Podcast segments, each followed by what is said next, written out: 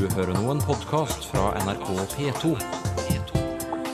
nrk.no-podkast. blir kveld, og så blir det morgenkveld, og så blir det enda en gang til hvis ikke jeg blir stein.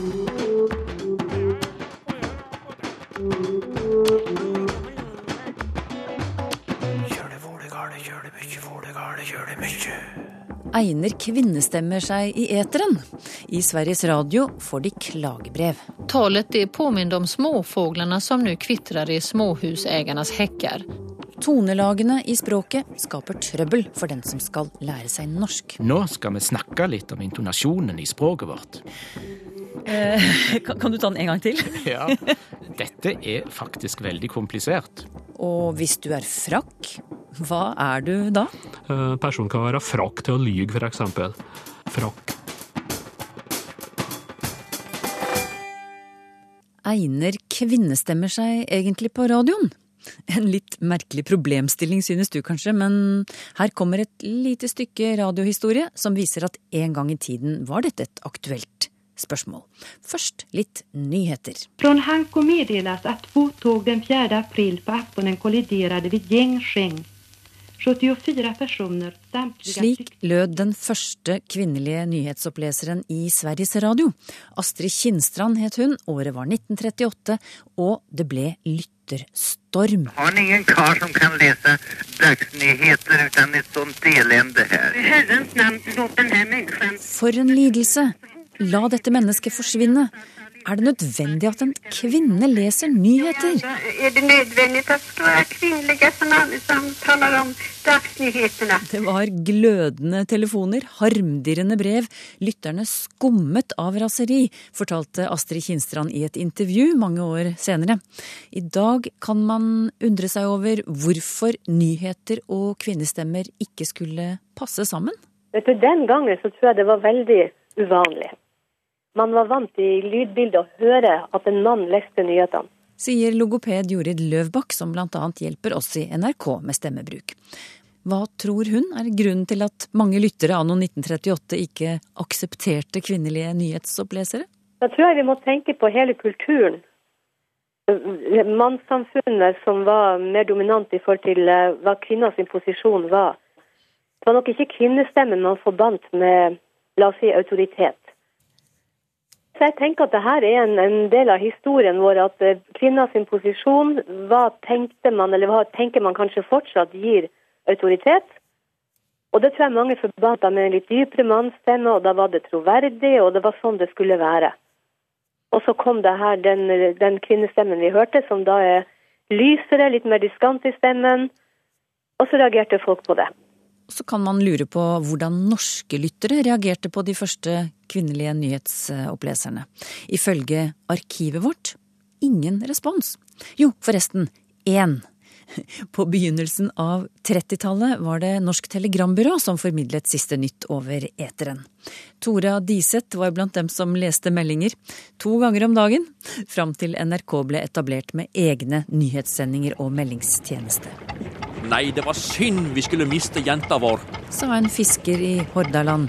Når hun leste fiskerimeldingene, strømmet fisken inn i vestlandsfjordene. Det var den gangen da kvinnestemmer i radioen var en sjeldenhet. Slik er det ikke lenger, men fremdeles er det noen som mener at kvinnerøster ikke egner seg så godt på radio. Talet det påminner om småfåglarna som nu kvittrar i småhusägarnas häckar. Som småfuglkvitter i hekkene.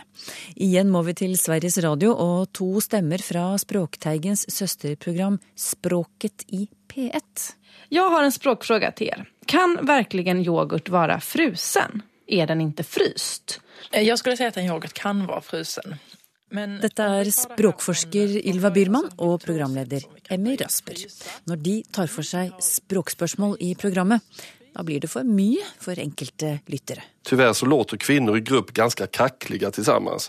Det kan ikke hjelpes, deres røster er litt vanskeligere enn mennens. Det kan være jobbigt å høre på en gruppe med kvinner en lengre tid. Kaklete, for mye diskant, slitsomt å høre på kvinnestemmer lenge av gangen. Og at jeg og då min språkekspert Ylva Byrman, at våre røster de påminner om småfåglar som kvittrar. Og jeg har faktisk fått ganske mange reaksjoner just om at min røst skulle likne en fågels. Og det er ganske ganska faktisk. faktiskt, men eh, ja. Programleder Emmy Rasper liker ikke at stemmen hennes blir sammenlignet med fuglekvitter. Alltså vi lever ändå i en tid der kvinner faktisk kan ha nesten samme maktposisjoner som menn i samfunnet, Men ändå så finns det folk som tycker at to kvinner ikke kan prate samtidig i radio. Jeg har lite svårt å ta det på allvar.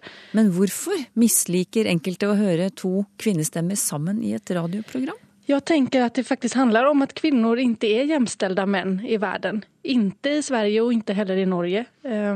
Jeg tror at det faktisk er en forklaring. Alltså det kan låte litt langsøkt, men eh, jag tror ikke at det er det. Det er fortfarande provocerande når kvinner tar plats og når kvinnor får utrymme. Det, så er det. Og derfor fortalte Emmy Rasper denne historien i Språket i P1. Om at det 70 år etter lytterstormen mot den første kvinnelige nyhetsoppleseren fremdeles finnes noen der ute som foretrekker mannlige stemmer i eteren. Ja, jag tyckte ändå det var viktigt att ta upp. Alltså, du har ju pratat nu om det här reaktionerna 1938 och de var ju såklart många fler. Och jag har ju inte, alltså, det här handlar bara om ett fåtal personer som tycker så här. Men det är ändå nu, 2014, som människor tycker att det inte är så bra med två kvinnoröster samtidigt i radio. Och då tycker jag att det är viktigt att ta upp. Det blir kveld, og så blir det morgenkveld, og så blir det enda en kveld så blir det blir klein. Lærer du deg norsk i voksen alder, må du regne med å snuble i konsonanter og bli overmannet av merkelige vokaler. Det har vi allerede slått fast i serien om hvorfor norsk er så vanskelig å uttale. I dag, språkforsker Jan Christian Hognestad, handler det om ja, ikke takt og tone, men trykk og tone. Hvorfor er det vanskelig å få trykket riktig på norsk? Det er mye fordi at trykk kan ligge så mange steder i et ord eh, på norsk. Eh, hvis jeg nå sier noen ord for deg, eh, jeg kan si bilen, mm. så kan jeg si utvilsom, og så kan jeg si kandelaber, og så kan jeg si kanon. Da ser vi hvordan trykket så å si eh, går utover i ordet og kan ligge først og sist og nest sist osv. Og, og mange språk i verden er sånn at ja, kanskje har det ikke trykk i det hele tatt, for det er det ikke alle språk som har. Og hvis det har det, så kan det hende at trykket ligger på ett og samme sted, altså på én og samme stavelse i alle ord. For eksempel første eller siste eller nest siste stavelse. Og Når du sier det der, så tør ikke jeg tenke på hvor vanskelig sammensatte ord kan være. Har jeg rett i antakelsen min? Det er en veldig god uh, intuisjon. Uh, fordi at uh, hvis, Ikke sant? Hvis du tar et ord som oljeselskap, så skal jo trykket ligge Først det skal ligge på olje, på oll. Men oljeselskapet er jo et slags selskap. Og derfor vil det egentlig være logisk at du lar trykket der og sa oljeselskap Ja. istedenfor. Og hvis du hører på folk som holder på eh, å lære norsk, så er det nettopp ofte det de gjør. De oppfatter det som logisk å ha trykket der, men det skal altså ikke være der. Det var litt om trykket, men så var det tonene, da. Hva er det med dem? Jeg tror nesten av alt det vi har snakka om, så er det med tonene det vanskeligste. Eh, og det høres kanskje litt rart ut, fordi eh, nå skal vi snakke om det som heter musikken i språket, og det høres i utgangspunktet kanskje ikke så komplisert ut. Men uh, husk nå at uh, i musikken så er det jo òg sånn at noen melodier er lette å lære, og andre er vanskelige. Og når vi snakker, så pakker vi alt vi sier inn i melodier, faktisk. Og så har vi i norsk noe i tillegg, nemlig det som vi jo kaller for tonelag. Ja. Ja, du tenker på mm, bønner og bønder, eksempel? Nettopp. Ja. Eh, og da tror jeg jeg har lyst til å slå hull på en liten myte, for de tonelagene blir som oftest alltid presentert akkurat som du nå gjorde, Mm. som noe som bor i ordene, og som, bruker, som jeg bruker for å skille ord ifra hverandre, altså typen tanken og tanken. Ja. Eh, men det er faktisk mye mer komplisert enn det, og jeg skal prøve så godt jeg kan å vise det, og det skal jeg gjøre ved å si en setning til deg. Og i den setningen så skal du lytte faktisk etter trykkene som jeg lager, og du skal prøve å høre fire av de. Hør Oi. nå om du kan høre Ja. fire Ja, trykk. Ok. Ja. Nå skal vi snakke litt om intonasjonen i språket vårt. Eh, kan, kan du ta den en gang til? Ja, kommer den igjen? Ja. Nå skal vi snakke litt om intonasjonen i språket vårt. Nå skal du ha hørt ett trykk på nå. Nå, ja. Og snakke. Riktig. Intonasjonen? Intonasjonen i. Å ja, Ja. sjonen? Ja, okay. sjonen. Og språket. Og språket, helt riktig. Det var tre av fire, da. Det, ja, det var eh, Du står på det. Bra, takk. Så eh, jo, eh, og da er det sånn at disse tonemelodiene de bor bare inne i ordene sine så lenge du har de trygt og fredelig inne i ordforrådet ditt i hjernen. Men når du tar de i bruk, så skjer der eh, interessante ting, syns jeg da. Nemlig at eh, den toermelodien som ligger inne i snakka, når jeg satte den inn i setningen min, så sprer den melodien seg og sluker alle småord og trykklette stavelser helt fram til neste trykk kommer. Og dermed så blir det sånn at den første melodien min, som er en sånn enermelodi, den omfatter ikke bare nå, men nå skal vi. Og den andre melodien, den blir snakka litt om min tone. og det er faktisk akkurat samme melodien som vi har bare i snakka. Det er bare at nå sprer jeg den med flere ord. Snakka litt om min tone. Og så kommer melodi nummer tre, sjonen i. Og melodi nummer fire, språket vårt. Eh, Og da er det faktisk sånn at for de som skal lære norsk som andrespråk, så er talen, den autentiske norske talen som du hører meg foreta nå, den er en uavbrutt strøm av sånne melodier. Vi trenger de ikke bare til å skille tanken fra tanken, men de kommer én etter én etter én etter én hele veien mens vi snakker, og det er nesten umulig å få til. Ja, det høres ut som en umulig oppgave, Ja. sånn som du presenterer det nå. Og, der, og det er det, og derfor så er det folk gjør veldig ofte å lage seg et forenkla system. De finner én måte å markere trykk på, og så gjennomfører de den. Og nå kan jeg prøve å si setningen min med et sånt forenkla system. Ja. Da blir det sånn. Nå skal vi snakke litt om intonasjonen i språket vårt. Det, jo, det, jo, det høres ut som nordnorsk. Ja, det gjør det jo. Og hvis jeg hadde smørt på med litt sånn uh, lyder i tillegg og sagt uh, intonasjonen i språket vårt, så, så kunne det kanskje passert som en parodi på finnmarksk. Og det er sant. For det er faktisk sånn at i Finnmark, eh, eller iallfall deler av Finnmark, kanskje Nord-Troms òg, så har de ikke disse to melodiene. De har bare én. Men hvorfor er det så spesielt med den dialekten? Hvorfor har den ikke tonelag? Det syns jeg er veldig gøy, eh, fordi at eh, nå snakket jo vi om at sånn kunne det bli når vi lærer norsk som andrespråk. Ja. Men den dialekten som de har der oppe, den norske dialekten som er der, det er faktisk en dialekt som opprinnelig eh, ble utvikla av folk som lærte den som, andre, som lærte norsk som andrespråk, nemlig folk med samisk som førstespråk. Ja. Så det som har skjedd i Finnmark, er akkurat det samme som det som skjer hver gang det kommer folk til Norge med et annet morsmål. Men jeg tenker på dette andre du sier med tonelagene, det er jo, og det du demonstrerte i sted. det er utrolig komplisert. Jeg hadde problemer selv med å, å Mm. følge med. Og da tenker jeg på en person som lærer seg norsk i voksen alder. Kommer han eller hun noensinne til å beherske dette? Her tror jeg jeg må, faktisk må være litt eh, pessimistisk.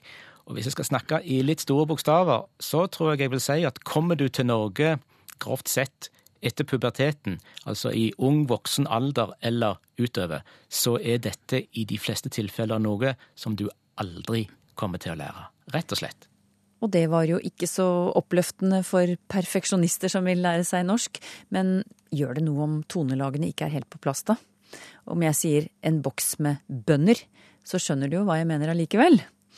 Jan Christian Hognestad er språkforsker ved Universitetet i Stavanger.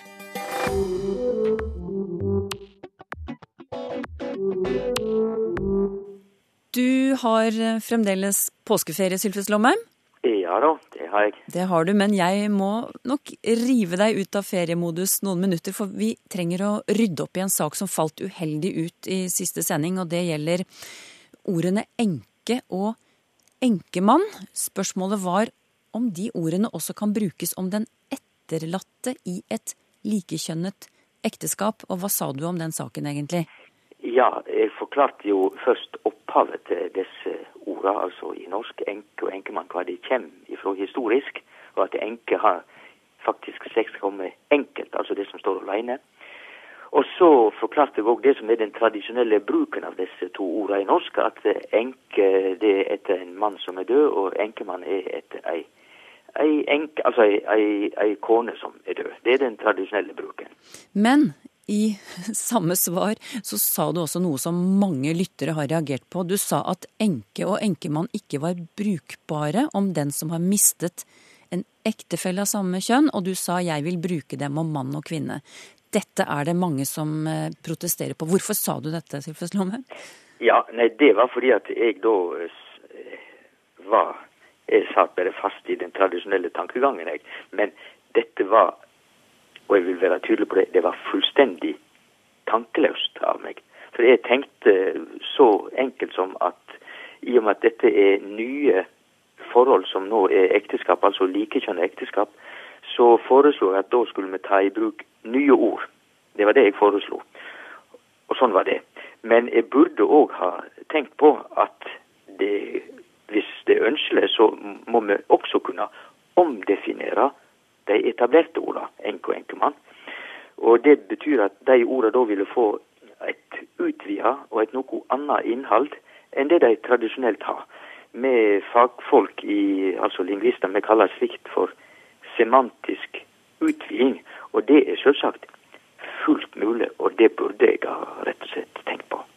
Du var jo veldig kategorisk du, da du hadde sagt at eh, det, du vil bruke dem om mann og kvinne, eller ja, så sa du punktum og ferdig med det. Ja, det, ja. det, det var jo toppen. Altså til overmål så avslutta jeg min ordforklaring når det gjaldt enke og enkemann med å si ja, punktum og ferdig med det. Og det oppfatter jo mange som at jeg avskar all videre debatt. Men det var ikke det som var min mening når jeg sa punktum og ferdig med det. Min mening var at ja, det var forklaringa av orda, hvordan de brukte. Ferdig med det. Som jo er noe annet. Men dette var veldig uklart, og det er jo ikke tvil om at dette er et kjenslevart område. Så ja, jeg, jeg hadde ikke noen god dag akkurat der. Og slike misforståinger det er jo ikke så uvanlig i, i kommunikasjon eh, mellom mennesker. Det må vi jo bare eh, være klar over. Mm.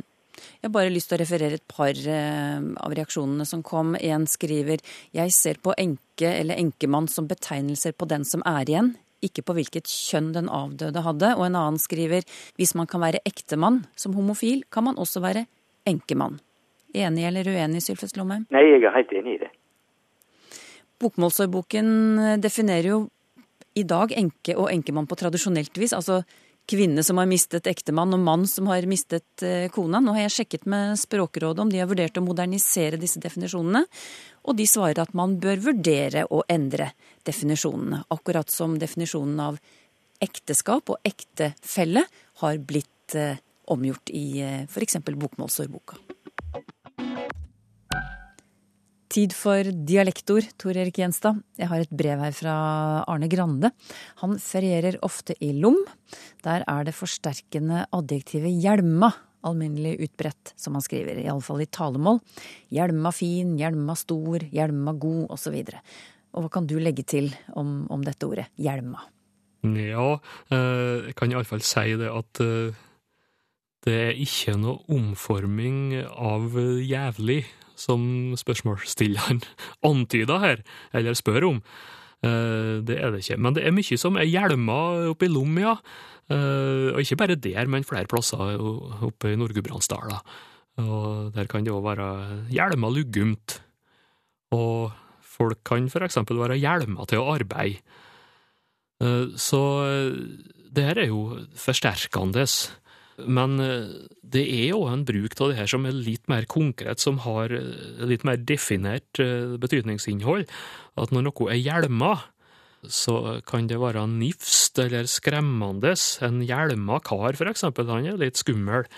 Så det er vel her vi har utgangspunktet, og så blir det da en forsterker av det. Allmenn forsterker, og får da liksom svekka betydninga, slik at det blir bare forsterkende.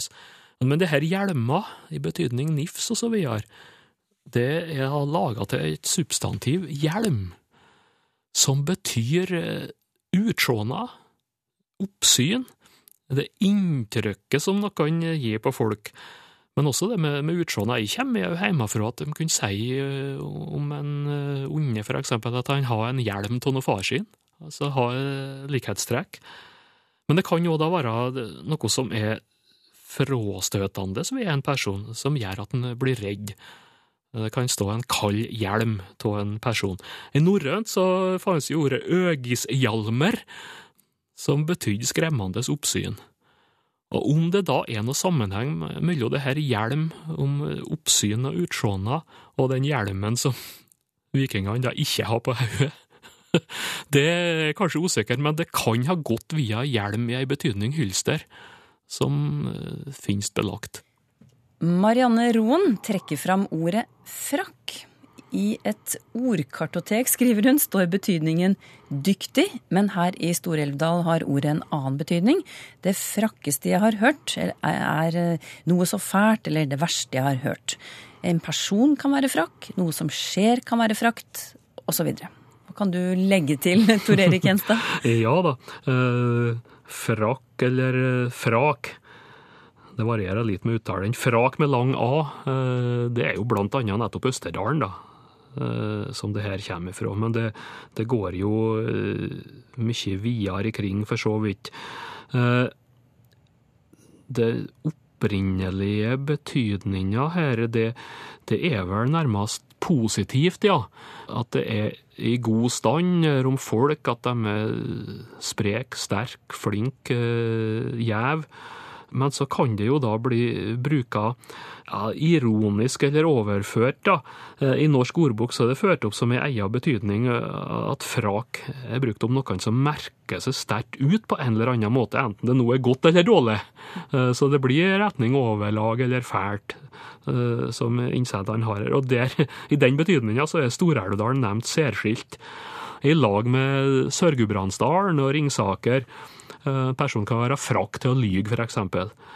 Og eksempel nettopp fra Stor-Elvdal, det er frakt hvordan de fer åt. Og frake greier, altså om dårlige greier. Men i utgangspunktet så er det nok positivt. Men det blir ofte da en nekting om personen. Han er ikke så frakk. Altså at han er heller skral, skrøpelig. Og jeg kjenner det fra mine heimtrakter. De kunne si at nei, det var det frakkast. Frakkast jeg har hørt, ja. Enten Enten da det likeste, eller det beste, eller også det, det verste. Uh, ordslektskap her er det jo med uh, for eksempel frekk. Og det her frek, uh, som finnes som selvstendig ord For eksempel kan det være snakk om at høvelen er for frek, altså at den er for grovstilt, tar for mye, for stor flis. Og du har sammensetninger som romfrek, som betyr romstor. Og det er også faktisk i slekt, sannsynligvis, med det her folkenavnet Frankera. Men jeg lurer på, når du sier hos deg så kunne frakk både være noe positivt og noe negativt, hvordan kunne folk vite hva du mente da? ja, det må jo være ut ifra sammenhengen og kanskje litt tonefallet, da, ja. som er vanskelig å få fram i skrift. Ja, Men er det vanlig at ett ord kan ha to så forskjellige ja, altså pluss og minus? Ja, det er ikke helt uvanlig, for da, da har du ironi. Altså jf. det var med en fin en. Da er det jo egentlig det motsatte du mener, men ironi er jo velkjent virkemiddel. Når det så gjelder frankerne, så er det muligens et navn de har satt på seg sjøl, og det ser ut som at det har betydd de tapre. Så det er tapper, gild, gjev, sterk, sprek, frakk. Og med det overgang til frekk, da, da er det kanskje litt for mye frampå igjen. Så her er det ordslektskap langt utover. Alfhild Taraldsen har en kokebok som heter Matgleder fra Sørlandet, og der fins det en oppskrift som kalles tukkje. Hun forteller at retten består av lettsaltet flesk med en saus som er laget av melk, mel og finhakket løk. Og så har både hun og familien hennes undret seg over dette ordet. De har forsøkt å finne ut hva det egentlig betyr, og så har de lokalisert det i Setesdal, i Valle-Bykle-området. Og der er Tusje kjent som en grøt bestående av melk, mel og vann. Og så men så finner hun ikke ut mer. Kan du hjelpe henne? Ja, jeg kan iallfall legge fram det som finnes om det, for det her er jo redigert da, i den ganske ferske bind 11 av Norsk ordbok. Det er opplagsforma tukke, da, og det vil jo bli uttalt tukkje en god del plasser. Det førte opp med tre betydninger der. Det ene er da mjølkegraut, eller tjukk velling. Og det er heimfesta til Telemark og Agder, pluss over til Røldal på, på vestlandssida.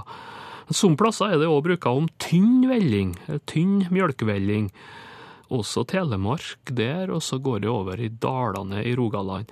Og fra én en enkelt plass, altså Hornnes i Agder, så er det belagt at det betyr det da jamning eller jevning.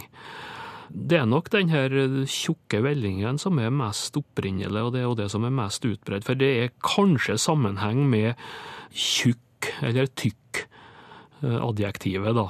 Og at det er en slags eh, tjukk blanding. Det, det her tukke eller tukkje. Men det er ikke belagt i, i norrønt eller noe slikt.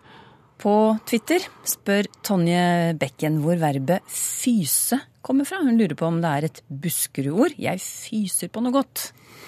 Ja, å fyse, ja. Eh, det vil jo egentlig si å, å være fus etter. Å ha lyst på altså fyse er jo avleda av fus. Det er jo norrønt ordmateriale. På norrønt så heter det mikk fysir, og det betyr da at jeg lengter etter. Så det var konstruert med, med mikk, altså med akkusativ av det personlige pronomenet. Eh, men det der med å fyse ja, og ha sterk lyst på, det finnes, eller har funnes det iallfall over store områder. Og, og Buskerud er, er jo med her, sjølsagt. Eh, både Hallingdalen og Nedre Buskerud. Men mye videre kring. Land, Valdres, Telemark, Vestfold, til og med Oslo, tradisjonelt Oslo-mål, eh, har det der. Og Valle, Setesdalen, Jæren. Oppover på Vestlandet flere plasser, eh, og opp til Nordmøre og Oppdal iallfall. Surnadalen har det. Eh, Hans Hyllbakk, dikteren fra Surnadal, han skriver en plass Det var ikke mange som har mo og fysen.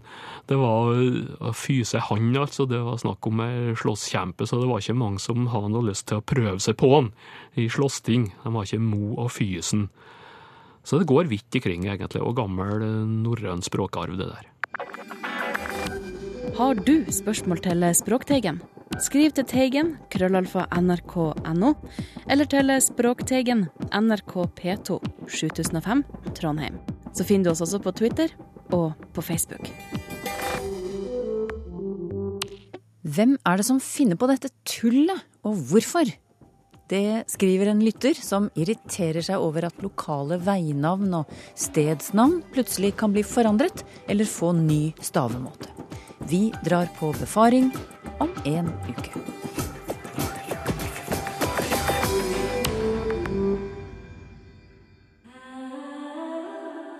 nrk.no podkast.